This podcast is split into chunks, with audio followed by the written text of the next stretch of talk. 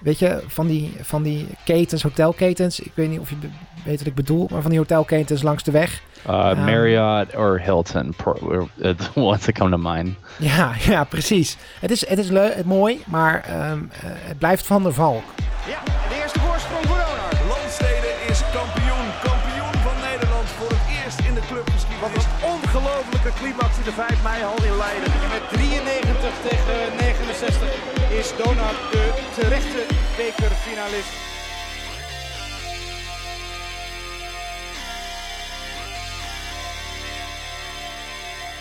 And welcome back to DBL on Sunday. Another episode here with uh, with me, Elliot Cox, and uh, my co-host Wouter Vandermaden. Uh, Wouter, how you been doing?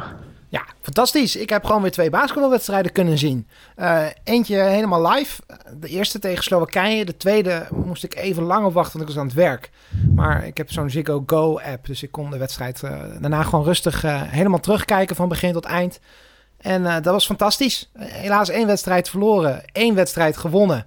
Ehm, maar wel twee leuke wedstrijden om naar te kijken. Zeker geen weggegooide tijd. Ik vond het echt eh, fantastisch. Het was mooi eh, om, eh, om weer gewoon van twee van dat soort wedstrijden te zien. Dus van de Orange Lions in de kwalificatieronde voor het EK. Yeah, no, it uh, it was exciting to, and that's that's such a relieving statement to say that basketball is back in the Netherlands. you know, um, I just that it's, you know, it's hopefully that the DBL will be able to come back soon. But until then, this is a nice holdover. But uh, you know, let's uh, let's jump into the uh, let's jump into that first game. So the Slovakia game obviously was a uh, rude first game for the uh, women's team. Uh, 84-64 loss um, to start off, and uh, well, um, the Orange Lionesses they had a strong first half, completely fell apart in the second half. Walter, what jumped out to you about this game? Nou, dat sowieso als eerste. Ehm, ik moet eh, gelijk even een kleine rectificatie doen, denk ik, van eh, de ehm, nabeschouwing die ik maakte met de Dutch Basketball podcast. Want toen eh, schreef ik de quote toe aan uh, Emees Hof. Het is Laura Cornelius. Maar die zei aan het begin, ehm, voordat de wedstrijd gespeeld werd in, in een krant... We hebben het behalen van de EK-ticket in onze eigen hand. En ik vind, denk ook wel dat we dat idee hadden. Wij spraken de vorige aflevering al over. Slowakije had natuurlijk verloren van Hongarije. Wij hadden gewonnen van Hongarije. Dus dan zouden we in theorie en op papier ook winnen van, van Slowakije.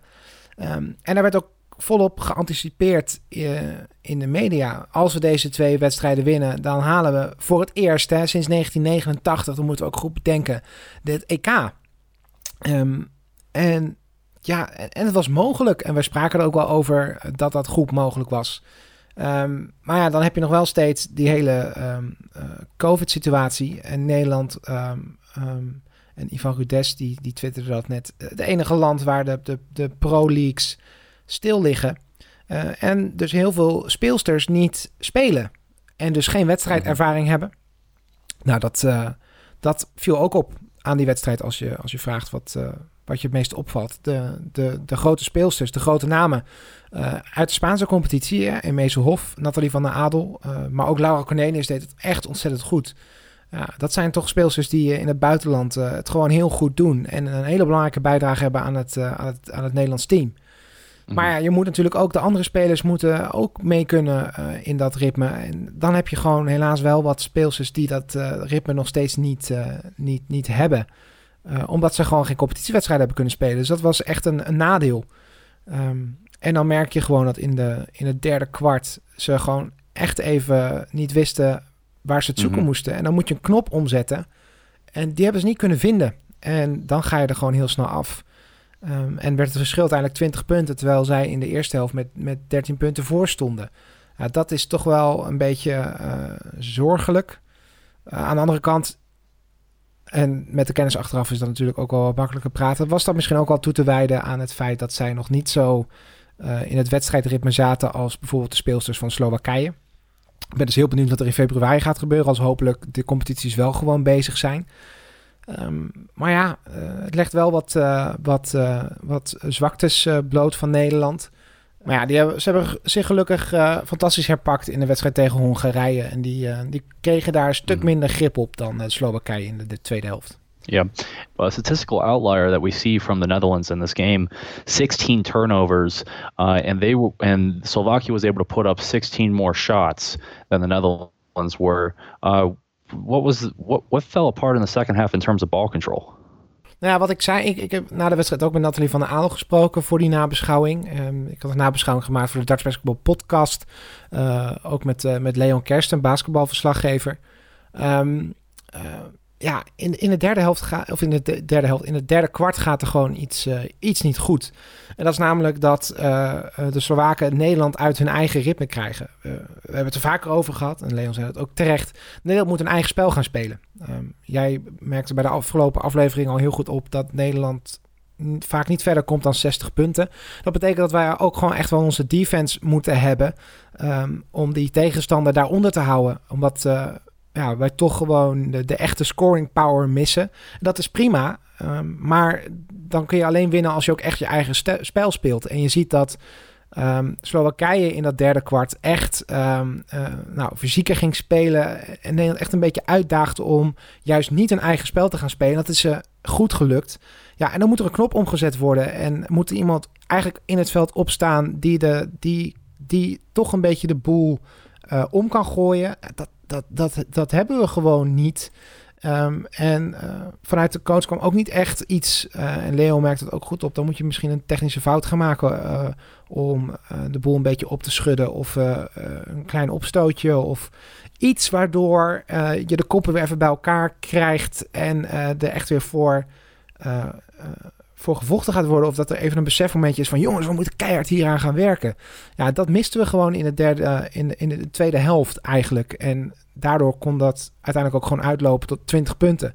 Omdat volgens mij de spelers op het gegeven moment er ook niet meer echt in gingen geloven dat het ging lukken. Ja, dan is het gewoon klaar. Ja, dan, dan krijg je turnovers. For sure, for sure. And uh, as you mentioned, confidence was a big factor in this game. I mean, obviously, we see uh, Hoff uh, having 22 points, Cornelius with, with 18. Not a lot of other people that were able to step up, though, in this game. Um, not a lot of the other players. And uh, part of that was just a lack of being able to get shots. Um, but uh, that, it's, it, you know, was definitely not the game that you wanted to start off with coming back. But, and I did mention this in the, the Benelux Hoops podcast uh, in my episode previewing Eurobasket Women that I wasn't going to be too surprised if players outside of Hoff and Cornelius, the players that play in Spain, um, if they were going to have a little bit of rust because you know it's like you mentioned uh, they really weren't the, the the game experience was limited prior to this game. Um, but certainly you were hoping for a better showing than that. But there were some encouraging signs in this game that we we were looking forward to with the and that's we'll bring up the Hungary game. Much improvement from that. Obviously, controlled the boards a little. Um, controlled the boards well. We out rebounded Slovakia by two.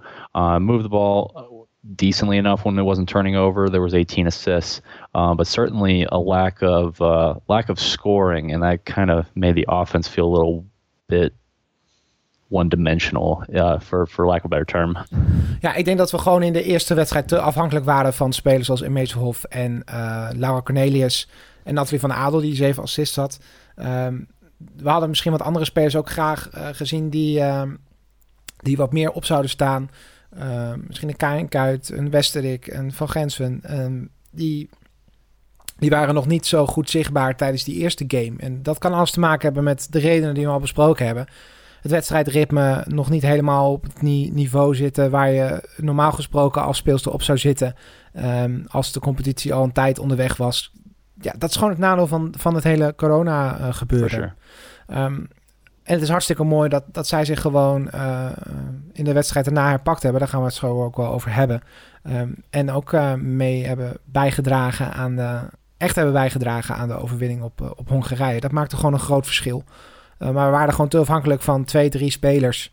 Um, en de rest miste gewoon hier en daar echt een beetje de ervaring om, om, om ook echt als het spannend wordt uh, goed met die wedstrijd om te gaan. Ja, dan laat je het toch gek maken door de Slowaken. Um, maar gelukkig, zoals ik al zei, hebben ze echt veerkracht laten zien. Uh, en is het in de tweede wedstrijd mm -hmm. helemaal goed gekomen. For sure, for sure. And that's a good segue into the second game, uh, which we'll discuss in the next quarter.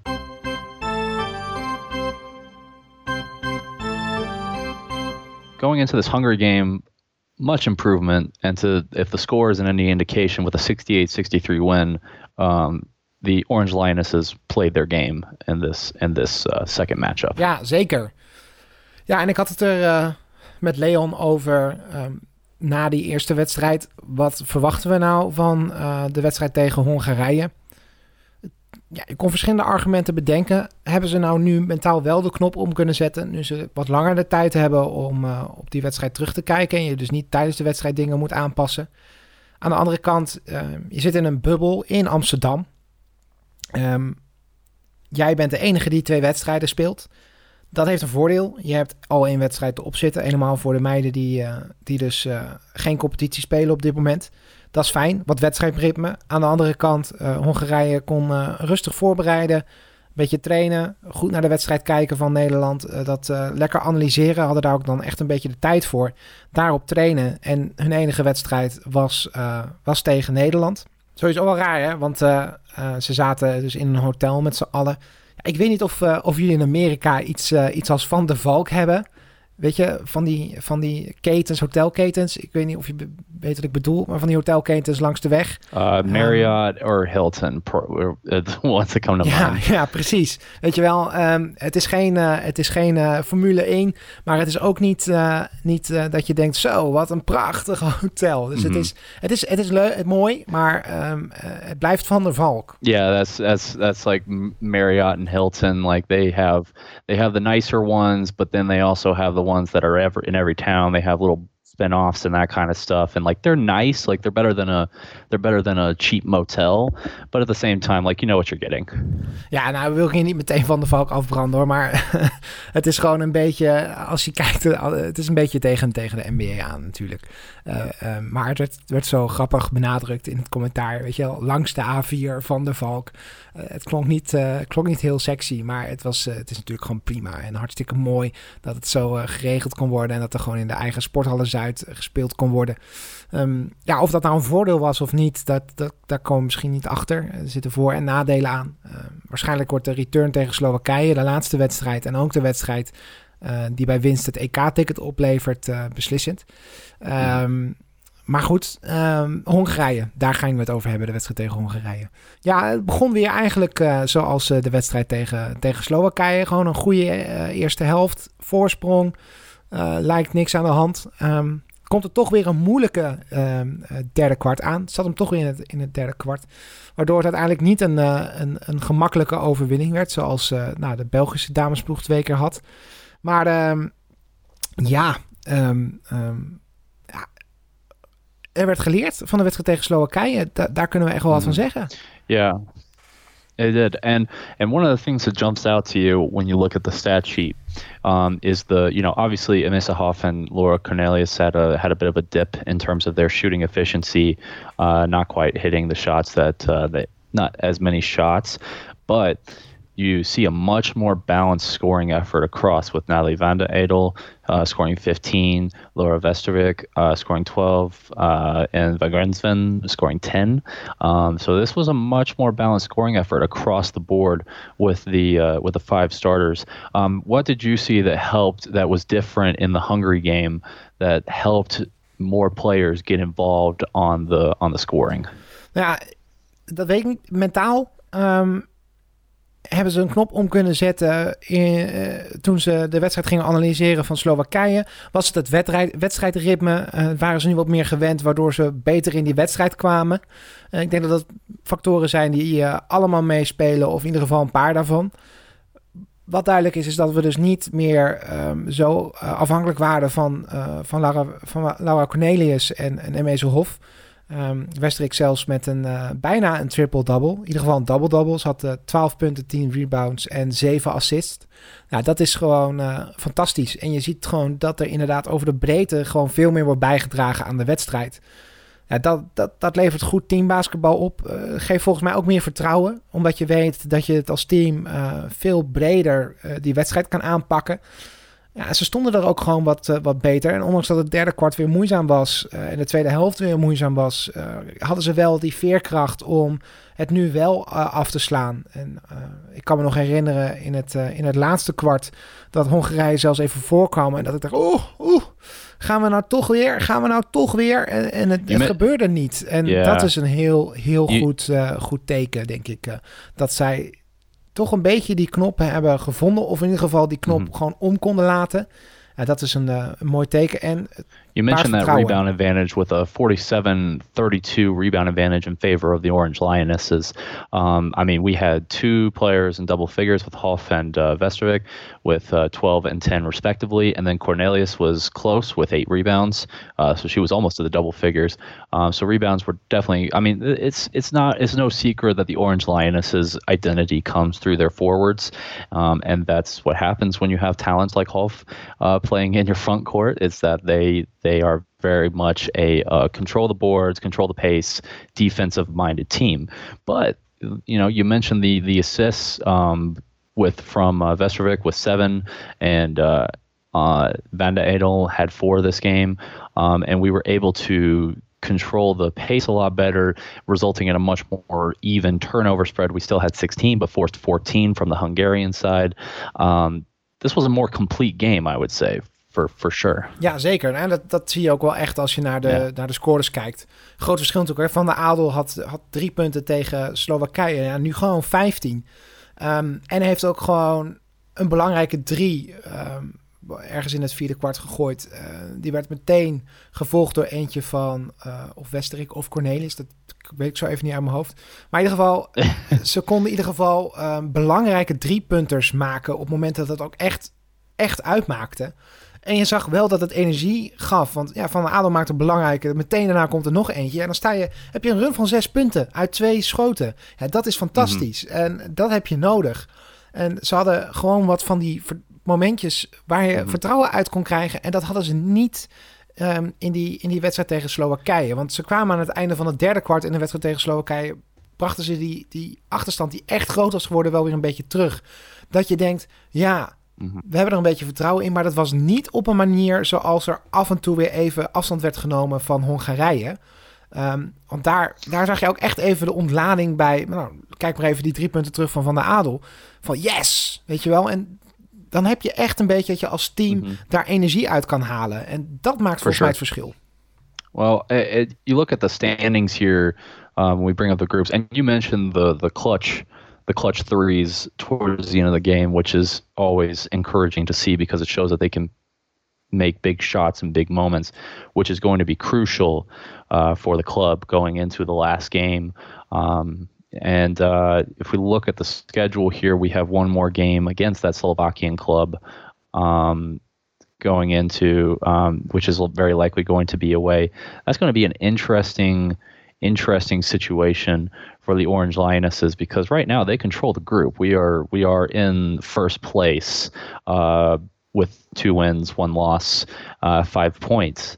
So you know it's it's looking very promising for the Orange Lionesses to to qualify for EuroBasket, but that that away game against Slovakia is going to be pretty interesting. Now that being said, Slovakia does is the one that's going to be playing two games in that window, so and we play them the second time around. So that could be an advantage or a disadvantage depending on how you look at it.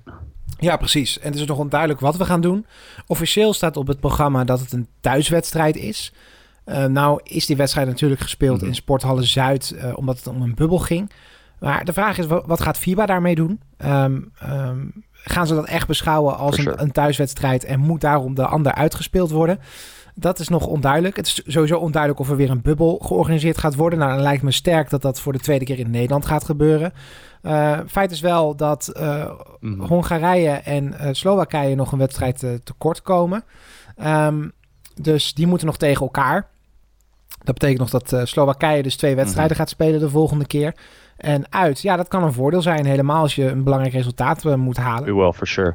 And, uh, you know, you're, you're hopeful that things will be able to continue as normal. Obviously, we've seen a surge in cases um, across Europe. Um, with EuroLeague has have had quite an issue with containing the virus. Uh, and there's definitely been, uh, I mean, there's a surge across the union, if if I'm being honest. Uh, so you, we'll see what happens. I wouldn't be surprised if uh, Euro women's EuroBasket gets pushed back to 2022 along with the men's um, tournament, but uh, hopeful that that doesn't happen. But for now, the focus is on February, and we'll see we'll see what happens. But right now, you know, obviously, you hate to you hate to have seen that loss to Slovakia, but the win against Hungary definitely puts the Netherlands in a much more comfortable position going into that last game. Zeker. En dan hopen we ook gewoon dat uh, in ieder geval de, de competities weer gestart zijn, zodat er gewoon wat meer wedstrijdritme in zit. Ja, en het zou natuurlijk helpen als Hongarije wint van Slowakije. Um, dat zou mooi zijn. Um, aan de andere kant, volgens mij uh, spelen we uh, de tweede wedstrijd. Dus eerst Hongarije, Slowakije mm -hmm. en dan Nederland, Slowakije. Ja, het hangt natuurlijk ook een beetje vanaf hoe de Slowaken uit die wedstrijd komen. Maar de, de kansen zijn er nog, nog, zeker. En heeft Nederland nog steeds in de eigen hand. Want uh, als ze winnen, hebben ze gewoon een EK-ticket. Zijn ze groepswinnaar. Um, en over dat EK, ik denk niet dat het verplaatst gaat worden uh, met hoe uh, Europa en de wereld er nu voor staat. Helemaal als het gaat om sport. I agree. Want ja, ik denk dat die bubbels van de afgelopen week wel duidelijk maakt dat je dit zoiets gewoon kan organiseren. Ja, dan moet je alle spelers van tevoren testen, op één locatie uh, bij elkaar brengen. Um, en uh, de mm -hmm. positieve getesten, die, die, die doen niet mee. Dan laat je vervangers voorkomen. En de rest uh, gaat gewoon op één locatie mm -hmm, het EK for spelen. Sure. For sure. So we'll see, we'll see what happens. Um, very excited. But uh, honestly, just thrilled that we were able to go. I, I, I'm more impressed that my my predictions on the Benelux Hoops podcast were exactly correct. Um, thought, yeah, I predicted Belgium was going to most likely go undefeated. Netherlands probably one and one. Um, but uh, that definitely is where it look it's looking in a good position for the Orange Lionesses to qualify. And so February is going to be an exciting time for sure. Ja, precies. Nou, ik, uh, ik kijk er ontzettend naar uit. Um, het zou hartstikke mooi zijn als uh, ze, ze winnen. Het zou voor het eerst sinds 1989 zijn mm -hmm. dat we het uh, EK zouden halen met de, met de women's team. Maar goed, uh, ja, of de druk er nu op gaat leggen, dat kan misschien nog meespelen. Um, als ik uh, Nathalie van der Adel geloven, dan hebben ze het erover gehad met z'n allen. Dus ze hebben het echt wel even benoemd als team van hey, dit staat erop. Uh, je ziet nog steeds, en dat gaat helemaal gebeuren, omdat eigenlijk de wedstrijd tegen Slowakije wordt gewoon winnen is ticket. Um, dus daar gaat dit verhaal misschien nog wel meer meespelen. Zij hebben met z'n allen gewoon een gesprek gehad en uh, tegen elkaar gezegd van uh, uh, dit staat er op het programma. Dit kan eruit komen. Um, maar dit moet er niet uitkomen. Het zou ontzettend mooi zijn als het gebeurt. Maar hier gaan we niet onze main focus op leggen. En ik denk ook dat dat goed is. Tuurlijk speelt dat mee in je achterhoofd. Want je komt het overal tegen. Uh, en Leon zei dat volgens mij heel terecht uh, in de aflevering, uh, die nabeschouwing. Um, het is heel fijn als je dan in het buitenland kan spelen, waar je niet om je oren geslagen wordt met media, waar je um, je telefoon uit kan zetten en je verder daar ook geen, um, geen interactie hebt met familie, vrienden die je daar allemaal over berichten. Je hoeft ook niet twee wedstrijden te spelen. Je gaat daar gewoon heen, je hebt die missie en je kan zelf kiezen hoe je jij in een soort van bubbel opsluit. Uh, om je gewoon te focussen op de, op de wedstrijd. En dus niet uh, nog uh, een paar uur van tevoren ermee bezig te zijn. Um, wat gaat er gebeuren als we winnen? Wat gaat er gebeuren als we verliezen? Als het gaat om de historische impact die dat dan heeft, hè, het wel of niet winnen. Um, laten we gewoon hopen dat het allemaal lukt. Um, maar in ieder geval moeten we gewoon wel stellen dat ze zichzelf in ieder geval heel goed in de picture hebben gespeeld. Het was op nationale uh, media, de, de winst en het verlies van de, van de dames. Um, ze hebben, hebben, dat dansje achteraf uh, de media gehaald. Je ziet dat, dat de, de Women's Basketball League teams heel trots zijn op de speelsters die nu in de Orange Lions spelen. En die misschien al wel in het buitenland bij een club zitten, maar bij hun begonnen zijn. Je merkt echt dat ze trots zijn. maar daardoor gaat het wel als een lopend vuurtje rond. En zie je overal de hele week door dat de Orange Lions twee wedstrijden spelen. Ik denk dat dat, uh, dat fantastisch is. Uh, en For waar sure. misschien de clubs in de DBL met de mannen ook al wat meer Yeah. uh, aan mogen doen. I would say too is that uh, that's something that uh, the the soccer clubs do a lot is say, you know, hey, this these are our guys who are playing abroad in this country in this country, and that's something like, for example, you know, um, Sergio uh, play was was a crucial part of that Suriname club that got uh, fifth place in the Caribbean uh, basketball championship, which is the highest that Suriname has ever finished. Um, so you could give a shout out to not only the players from the Netherlands, but also players on national teams for other countries um, that uh, that play it. Because I know we have a few. I I think uh, Ben Kovac for the Den Helder Suns. I'm pretty sure he's on the uh, Luxembourg uh, national team for basketball. And so Ja, Heroes hebben ook wat spelers die voor hun eigen land spelen. exactly. So I I think that that's a that's a and of course we have you know Leon Williams and um, other players who play in the DBL who are on the Dutch national team. I, I think that it's a I think that that's a missed opportunity for sure. I, I agree with you in that sense that I think that if they can give more of a shout out to that, it gives it just not only shows how global the game truly is, but increases publicity. Zeker, en ik heb al wat posts gezien hoor van, uh, van clubs of van uh, agenten die, uh, die die speelsters vertegenwoordigen op social media. Van hey, dit is het resultaat van, van onze speelster in het, in het nationaal team. ja, we strekken natuurlijk een fantastisch affiche met, met een double-double en bijna een triple-double. Ja, dat, is, dat zijn leuke dingen om te delen. Um, helemaal als, als jij het team bent wat die speelster heeft. Dan kun je even laten zien van hey, onze speelster heeft internationaal succes. En nou, volgens mij bij Heroes lopen er ook al wat rond die, uh, die het goed kunnen doen bij hun nationaal team.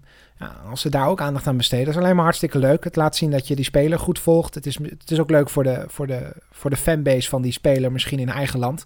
Dat haalt misschien ook al wat, uh, wat likes op social media naar je toe. Dat zie je in het voetbal ook heel veel gebeuren. Als een, een speler uit een land ergens naartoe verhuist, dat, dat de volgers daarin opgaan. Nou, het is leuk als je dat een beetje kan laten zien hè, als club. Dat je weet wie er bij je club speelt, maar ook wat hij doet in het nationaal team. Um, en het is ook leuk voor de, voor de fans natuurlijk uh, van de Heroes om dat te volgen. En natuurlijk zijn er meer teams in de DBL die internationals afleveren. Um, ja, uh, blijf er al vooral aandacht aan houden. Je Feyenoord moet straks gewoon helemaal losgaan als uh, Karassi in het, in het nationaal team speelt. En Leiden helemaal los omdat Wurfy de Jong er speelt. Uh, Joost United met Shane Hamming, noem maar op. Je, moet gewoon, je moet gewoon laten zien en trots zijn op de spelers die, uh, die, die in het nationaal team spelen. Ook al spelen ze misschien niet meer bij jou, maar zijn ze wel bij jou begonnen. Lekker trots zijn. Twee wedstrijden konden we dus zien afgelopen week. En over elf dagen begint ook nog eens de tweede window voor de mannen EK-kwalificatie. Maar dat zijn voorlopig wel even de laatste wedstrijden die we gaan zien van Nederland. Sowieso zijn voorlopig even de laatste twee wedstrijden gespeeld in, uh, op Nederlandse grond. Want de heren gaan natuurlijk naar Turkije voor de, voor de window. Ja, waar gaan we dan basketbal volgen de komende tijd? Um, hopelijk start de DBL halverwege december hoor en uh, in het begin van januari. Maar ja, we moeten gelukkig niet meer heel lang wachten tot we weer volledig in basketbal op kunnen gaan. Want de NBA start eind 2020, misschien eind uh, begin 2021. Ze hopen in ieder geval op december. Maar wat de komende weken wel helemaal losgaat, zijn natuurlijk de drafts, uh, de uh, free agents, de trades. straks kan het allemaal. dat betekent heel veel drama weer in de NBA, wat we allemaal kunnen volgen. Um, dus ja, Elliot, um, shine your light on uh, die NBA wat gaat starten. Well, if you're if you're a basketball fan, regardless of where uh, the NBA free agency is always something that people have their calendars marked for. Um, this is this is going to be. This is going to be interesting. We've already heard some trade rumors. Uh, Dennis Schroeder, uh, the German uh, national team member, he is going to be traded from. He, some reports he's going to be traded to the LA Lakers in return for Danny Green and the number 28 pick in this year's draft.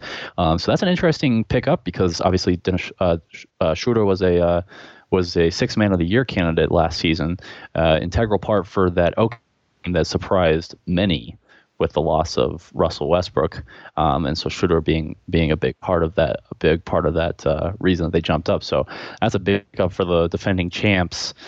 And uh, we have we have a few more names that are on the that are on. Obviously, Anthony Davis is looking to opt out of his player option, but many are expecting him to re-sign a long-term deal with the Lakers. So that's going to be something interesting to keep up. But we also have a few more names on the list, but uh, um, and I I really uh, Valter, I'm just going to be honest with you. Um, the Knicks are not going to make moves, and I'm sorry.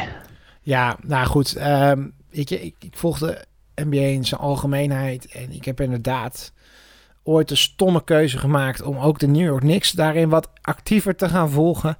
Uh, maar ik heb wel heel snel geleerd dat uh, je gewoon moet voorbereiden op het aller, aller, allerergste wat er kan gebeuren. Dan kan het achteraf alleen maar meevallen, for sure. I, I, feel the same way about the Hornets. Some notable names that uh, we're looking at right now in free agency. Um, obviously, we have some big American names like Gordon Hayward is probably and are looking to opt out of their player options, but some also some foreign names that are going to be interesting to keep an eye on for this one for this uh, upcoming off season. Uh, so Nicholas Batum has a player option. Um, as much as I wish that he would opt out of it because it would help the Charlotte Hornets cap situation tremendously. He will not. Uh, but Marcus Sol is going to be a free agent as well. Um, some reports have suggested that he is going to be actually going to Spain to play, but that is not confirmed yet. Um, but I do know that I think Real Madrid has been showing some interest in him. Uh, so we'll see what happens there. Uh, Serge Ibaka, another big name that's going to be a free agent. Danilo Gallinari from Italy He's going to be a free agent as well, big part of that OKC team. Uh, this is this is an interesting interesting free agent because it's not as star studded as next year's is going to be. But of course, it's going to be interesting. So that free agency is going to be starting out later this week. Keep an eye on those players. We'll see where they end up. But the big news this Wednesday, we have the NBA draft, and uh, that's that's that's always an interesting time for for fans of the league.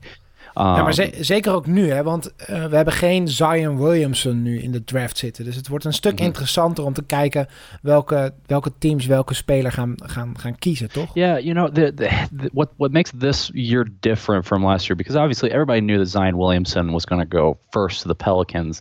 With with with no doubt. I mean, he's he's such a dominant presence. This year, it's it's really a toss up between three guys that we're seeing right now. Lamelo Ball, obviously, uh, he has made a name for himself long before his game ever did because the Ball family. I don't know how you don't know them if you're not like deep into basketball culture. They really have uh, been outspoken, and of course, his older brother Lonzo key contributor for the New Orleans Pelicans. So LaMelo Ball is looking to be one of those top three guys. James Wiseman, um, who started out in Memphis but had to leave because, uh, to to make a long story short, NCAA rules were broken. Very easy to do. Um, and then Anthony Edwards is another intriguing prospect from Georgia, and many have drawn comparisons from him to Dwayne Wade. it's it's it's going to be interesting to see who goes first because obviously Minnesota Timberwolves have that first draft pick. We have no idea what they're going to do with it. They have an interesting situation. They just got D'Angelo Russell on a trade last season. They still have Carl Anthony Towns. They uh, they finally got rid of Andrew Wiggins, uh, who was a disappointment to say the least. So there, there's a lot of speculation on what they're going to do with that first pick. Some think that they might try to trade that first pick. There's some rumors going around that they're trying to trade that first pick to Phoenix to get Devin Booker to create a trio of Russell, Booker, and Carl Anthony Towns, which would be very scary. Uh, that, that, I mean, I would say the Minnesota Timberwolves would finally become a threat in the West if that trade were to happen. Others say they may try to pick up Ball or Edwards and create a combo of that uh, through the draft for Russell and one of those prospects uh, to create their backcourt for the future. But I don't know. It's really going to be interesting to see. Uh, Golden State obviously got second because the rich get richer, and I just want the Warriors dynasty to be over, but it's not going to be over until Steve Kerr, the general man, the, and the general manager, and Curry and Thompson leave. But to be fair, of all the dominant teams, this is a likable one. Ja, misschien even goed kort uitleggen uh, voor de uh, luisteraars die het systeem niet heel goed kennen. Alle jeugdtalenten worden um, ieder jaar um, aangeboden. Dat gaat via het draft systeem. En dan kunnen dus teams uh, kiezen aan het begin van ieder seizoen welke jeugdspelers zij willen hebben. hoeven niet per se jeugdspelers te zijn, maar in ieder geval spelers die graag naar de NBA willen. Um, daar, springen natuurlijk altijd spelers in het oog. Nou, Zion Williamson was um, de, de onbetwiste nummer 1 in de draft van, uh, van uh, afgelopen seizoen. en welke team eerst mag kiezen, dat wordt bepaald door de NBA Lottery. en die is tijdens de bubbel gehouden. En die bepaalt dus welke volgorde de, de, de eerste 14 teams mogen kiezen. Dat wordt door die loterij be, bepaald. Yes. So the way that that works, eh, and they have really nerfed that lately. I say nerfed as a gamer term in terms of vastly downgrading the effect, the the the effectiveness of it, because they've really tried to get away. Obviously, ever since Philadelphia 76ers started their process a lot of clubs have been trying to imitate that with tanking, and that's something you never want to see as a fan, is a team intentionally trying to lose. Ja, dat is waarom ze die loterij hebben. Dat gaat dus tussen die teams die, die onderaan uh, uh, hangen. Want wat ze eerst deden was als je um, wist dat het seizoen sowieso al niks meer zou worden... dan ging je expres wedstrijden verliezen om zo laag mogelijk op uh, de ranglijst te komen... zodat jij de, de, de snelste keuze had in de draft... En dat is nu vervangen door een loterij. Het wordt bepaald bij hmm. kans. Dus dat heeft niet meer zoveel zin. Yeah, and that's part of the reason that I kind of like the European system a little bit better. As much as I love the draft and how exciting it is, um, there is something to be said about the youth development uh, system that is in Europe right now, um, where you you base youth players basically are treated like free agents and they get to sign where they get interest in. Um, it, and it should be noted everybody that on your 2K simulations, I don't care what 2K does, there's never a clear cut number one pick that's going to immediately make your team better. If you need any indication of this, look at teams like the Phoenix Suns. They had numerous top five draft picks for years in a row, and they have not made the playoffs ever since Steve Nash left. Ja, precies. Want er zijn ook heel veel uh, stars in de NBA die heel laat gedraft werden. Soms, uh, weet je, 20, 30ste. Uh, soms zelfs in de, in de tweede ronde. Ja, er zijn heel veel sterren die niet per se gelijk al meteen gekozen werden. Exactly. Exactly. I mean, Charlotte Hornets right now, our biggest store, Devontae Graham, was a second round pick. So there's never any really any guarantee. And even if you do get a guarantee on those picks, look at a team like the Philadelphia 76ers. Obviously their process worked in a way. They got Joel Embiid and Ben Simmons. They have some big names there. That core has not made it past the second round of the playoffs. It's never a guarantee that you're going to build a championship roster through the, through the draft. So it makes this situation a lot more interesting. And that's where, and that loops me back to my point about Golden State, where I think that they're in an enviable position with that second pick in the draft because they really have the luxury. They already have a core in place with Draymond Green, Clay Thompson, Stephen Curry, which will all be healthy, so they'll be able to get back to form. And they're going to really be able to to take their time with who they pick with the second with the second pick. They're really going to be able to pick a big guy that can develop around the shooters. That's a, that's what you want from a draft pick is someone who can with a someone with a lottery pick in those top 14 spots, someone who can provide an immediate impact.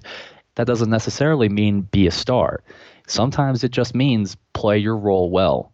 Prime example of this is Derek Favors, who was with the Pelicans last season. A lot of people branded him a bust because he was the third overall pick, but he didn't like become a superstar. But that's not the case. The guy's a consistent 14 point, 10 rebound grabber. And that is a successful draft pick, in my opinion. Zeker, zeker. Uh, ik heb er zeker uh, ook zin in. Want uh, ja, het is altijd een, een tijd vol drama waar ik wel naar uit kan kijken bij de NBA. For sure, for sure. It's, uh, it's going to be interesting to see who gets picked. Um, but uh, and I know I've given a lot, a lot of information, so feel free to do your research, um, fans, because until the DBL starts back up, NBA is always, always fun to watch. Zeker. En als je vragen hebt uh, als luisteraar uh, over hoe de NBA werkt, uh, want het is vrij ingewikkeld, duurde voor mij ook even voordat ik allemaal door had hoe het nou precies werkt. helemaal met die drafts en de draft lottery en, en hoe het gaat met dat traden. Want het lijkt bij verre na, bij lange na niet op bijvoorbeeld de transfermarkt bij het voetbal. Um, en het is ook grote verschillen met hoe het nou loopt in uh, bijvoorbeeld Europa. Uh, het is allemaal wat anders geregeld in de NBA. Dus mocht je daar vragen over hebben, uh, laat het vooral weten. Want ik denk dat wij graag je vragen hierover beantwoorden, net als ons kan genieten van deze periode. Yes, exactly. You can send us in the messages and anything like that because at the end of the day, like obviously you have your clubs that you root for in your leagues, and this is some, but this is something that I always try to illustrate to people. If you love basketball, it doesn't matter what league you watch. There's always quality no matter which league, and so that's that's the big thing for me is just get out, learn more. That's that's one of the things that led me to be in the position that I am, an American who is now covering the Dutch Basketball League. I love being, I would love to see basketball treated like how soccer is, where you have play you have someone in America who's a massive Premier League fan of an English club, or uh, someone who's a big fan of Bayern Munich in Germany because of the Champions League. Um, just get out, watch watch basketball, watch all kinds of leagues. There's so many different styles. Everybody has a different way they play them. It's any questions at all, just hit us up. Zeker. Um, nou, dat was het volgens mij alweer voor, um, voor deze aflevering. Vragen kun je dus sturen. Het kan uh, via de mail, mail.dutchbasketballpodcast.nl. Maar ook uh, een DM via Instagram. Je kunt ons volgen via dbl-on-sunday. En uh, wat je ook kunt volgen is uh, de nieuwe podcast van Elliot, namelijk uh, Benelux Hoops. Daarin gaat hij het hebben over vooral het internationale basketbal van Nederland, België en Luxemburg. Dus de eerste aflevering staat online, kun je beluisteren. Uh, zou ik zeker doen. Hij heeft er verstand van, want uh, hij heeft dus de afgelopen window voor zowel België als Nederland uh, goed voorspeld. Dus ja, hij weet wel waar hij het over heeft. I appreciate that. Yes, give it, and we will be having a second. Oh, yes, so that episode you can find on SoundCloud. I'll eventually be getting episodes up on Spotify. Um, down the road. Um, but second episode with uh, Wouter will be featured uh, later. Th- will be uploaded later this week. We'll be going in depth discussing the past EuroBasket women window uh, like we did today, but uh, mostly we're going to be previewing Eurobasket men play. Um, so that's going to be super exciting. Uh, we're, we're really looking forward to it. And of course, give a follow to Voucher's podcast, the Dutch Basketball Pack podcast. Uh, he does great in depth interviews with players. Uh, this the Natalie Van de Edel uh, interview was fantastic as always. And he's been doing great work. And so that's give all you know what honestly just give all three podcasts a subscription follow do all that you know just be a team player. Ja precies. Ja je kunt ook een review achterlaten bij een aantal apps. Doe dat vooral. Dat helpt ook anderen om die uh, podcast te vinden. Het gaat helemaal niet om luistercijfers. Het gaat om interactie en een van die dingen daarbij is abonneren en reviews achterlaten. Dus help ons vooral erbij. Nou, volgende week zijn we er weer. bedankt voor het luisteren. Um, dan gaan we het uh, hebben over uh, nou, hopelijk goed nieuws vanuit de DBL. Um, want uh, er zijn wat gesprekken de komende week. En we gaan voorbeschouwen op de Orange Lions Man. tot ziens.